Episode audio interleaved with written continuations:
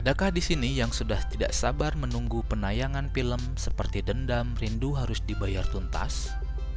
Sebuah film adaptasi novel dengan judul yang sama karya Eka Kurniawan.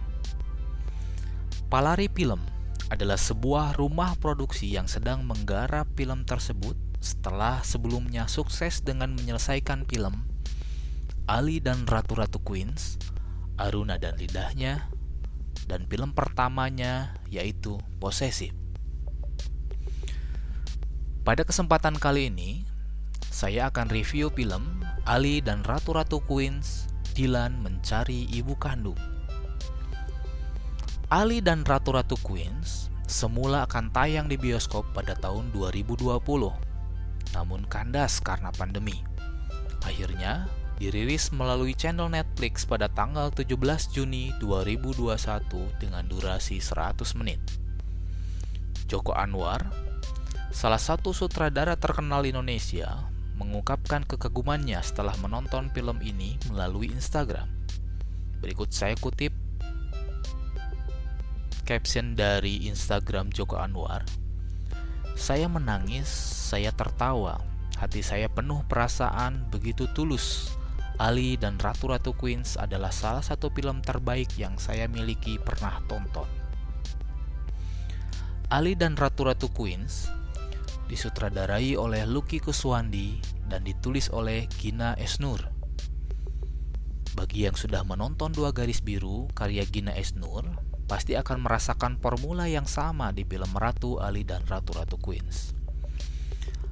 Ali dan Ratu-Ratu Queens bercerita tentang pencarian seorang anak remaja usia 17 tahun, Ali, yang diperankan oleh Iqbal Ramadan mencari ibu kandungnya, yaitu Mia, yang diperankan oleh Marisa Anita di kota New York, Amerika Serikat. Iqbal Ramadan adalah seorang personel grup vokal band cilik yang jaya di masanya, yaitu Cowboy Junior, yang sekarang sudah beranjak dewasa dan banyak mendapatkan peran film Salah satunya yang paling melekat perannya adalah ketika memainkan peran Dylan. Selain Iqbal Ramadan, film ini dibintangi sederet tante-tante aktor terkenal Indonesia seperti Nirina Jubir, Happy Salma, Tika Panggambean, dan Asli Welas. Serta ada juga artis muda berbakat yaitu Aurora Ribeiro. Selain Aurora Ribeiro mengisi soundtrack film ini berjudul Never Look Back, penyanyi luar negeri Billie Eilish ikut juga mengisi soundtrack film ini melalui lagu I Love You. Soundtrack dalam film Ali dan Ratu-Ratu Queen sangat empuk di telinga bila disandingkan di setiap frame pemutaran film ini. Penataan warna dan pengambilan gambar kota New York sangat apik dan memanjakan mata bagi para penonton. Tidak luput juga animasi yang ikut menguatkan cerita dalam film ini karya Pinot, animator asal Indonesia yang mendunia yang sekarang tinggal di New York. Film ini menceritakan sedikit gambaran imigran asal Indonesia yang berjuang hidup dengan segala profesinya di kota New York, Amerika Serikat. Bila ada yang masih mengingat film Minggu Pagi di Victoria Park tahun 2002, 2010, sutradara Lola Amaria, film ini pun menceritakan kehidupan para TKI di luar negeri dengan segala permasalahannya. Cerita selanjutnya akan mengandung spoiler. Tidak disarankan bagi kalian yang tidak suka spoiler ataupun bocoran cerita film. Pembenci spoiler bisa lanjut ke pembahasan selanjutnya setelah paragraf berikut. Ali dan Ratu-Ratu Queens bercerita tentang Ali yaitu diperankan oleh Iqbal Ramadan, seorang remaja usia 17 tahun yang mencari ibunya di kota New York, Amerika Serikat. Ali dan ayahnya ditinggal pergi oleh ibunya, yaitu Mia, diperankan oleh Marisa Anita, ketika Ali masih kecil di Indonesia, ke kota yang tidak pernah tidur untuk mengejar mimpinya Mia menjadi penyanyi kelas dunia. Sepeninggalnya ayahnya, Ali tidak sengaja menemukan banyak surat dan sebuah tiket pesawat ke Amerika Serikat yang dikirim ibunya sudah lama di sebuah laci kamar. Ternyata sang ayah sengaja menyembunyikan dan tidak memberitahu Ali tentang tiket tersebut, sekaligus menjadi bukti bahwa ibunya pernah meminta Ali dan ayahnya untuk menyusul ke New York. Dan juga bukti bahwa ibunya masih peduli ke Ali. Tidak seperti yang keluarganya selalu sampaikan bahwa ibunya sudah tidak peduli terhadap Ali. Dengan ditemukannya surat-surat dan tiket tersebut menambah kepercayaan Ali untuk pergi ke Amerika menemui ibunya. Karena menurut ibunya, masih peduli dan meninggalkan Ali begitu saja.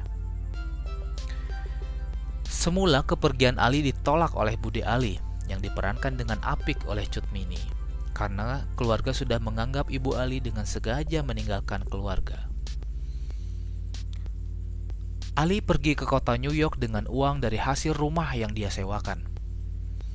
Sesampainya di kota New York, Ali mengunjungi apartemen tempat ibunya dulu tinggal, yaitu di daerah Queens.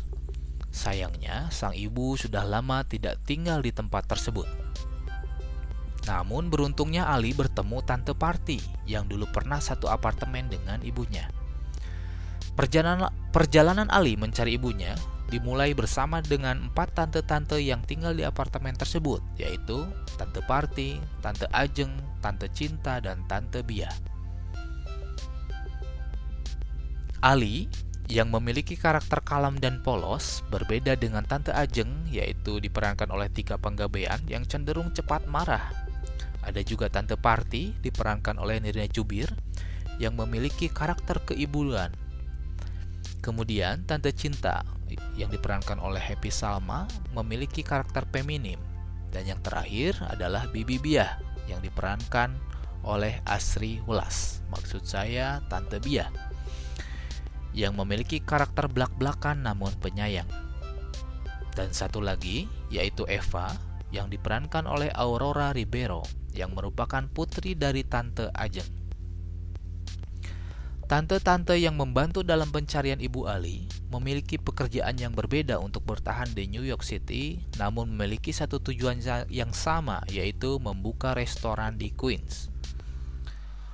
Untuk memenuhi cita-cita para tante ini, mereka mengumpulkan sedikit demi sedikit rupiah, namun tetap saja kurang. Beruntungnya Ali datang sehingga mereka memiliki ide dengan meminta biaya sewa ke Ali selama tinggal di apartemen tersebut dan dijanjikan akan dibantu mencari ibunya. Maka pertanyaan selanjutnya, dapatkah Ali menemukan ibunya yang telah lama hilang dengan bantuan tante-tante tersebut? Dan bagaimanakah hubungan Ali dan Eva untuk yang sudah penasaran mengenai kelanjutan dan proses pencarian Ali dan ibunya, bisa langsung streaming di Netflix.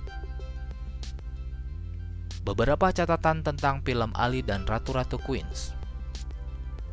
Pertama, dengan banyaknya karakter dalam film ini, diperlukan cara yang jitu untuk menjelaskan setiap karakter sehingga setiap karakter mendapatkan porsi peran yang sesuai dengan keseluruhan cerita.